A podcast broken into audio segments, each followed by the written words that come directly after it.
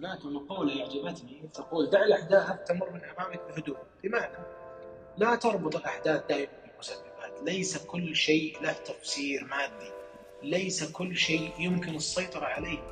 لا تقلق بالتحليل المفرط في مجريات الأمور حدث كذا بسبب كذا ذهبت كذا بسبب كذا. ليس كل شيء أبيض وأسود. هناك دائما نقطة رمادية نعيش يجب أن نتعايش معها. هذه النقطة الرمادية هي عدم تفسير الأمور. ليس كل شيء يحتاج قوة خارقة لحل. لا يوجد هناك حجر ناطق أو طاقة ممكن أن تزيل كل هذه الأحداث. كل شيء يمكن السيطرة عليه بهدوء.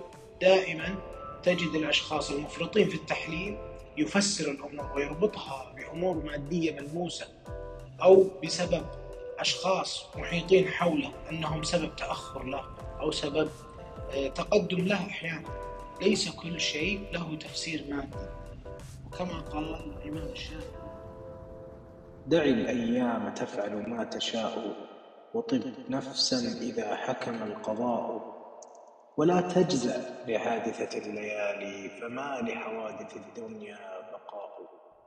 أيضا لا تدع السيطرة الدائمة على من حولك. تقلقك وتفسد حياتك. لست مسؤول عن كل شيء. كما قال الله تعالى كل في فلك يسبحون الليل والنهار الشمس والقمر كل يدور بانتظام.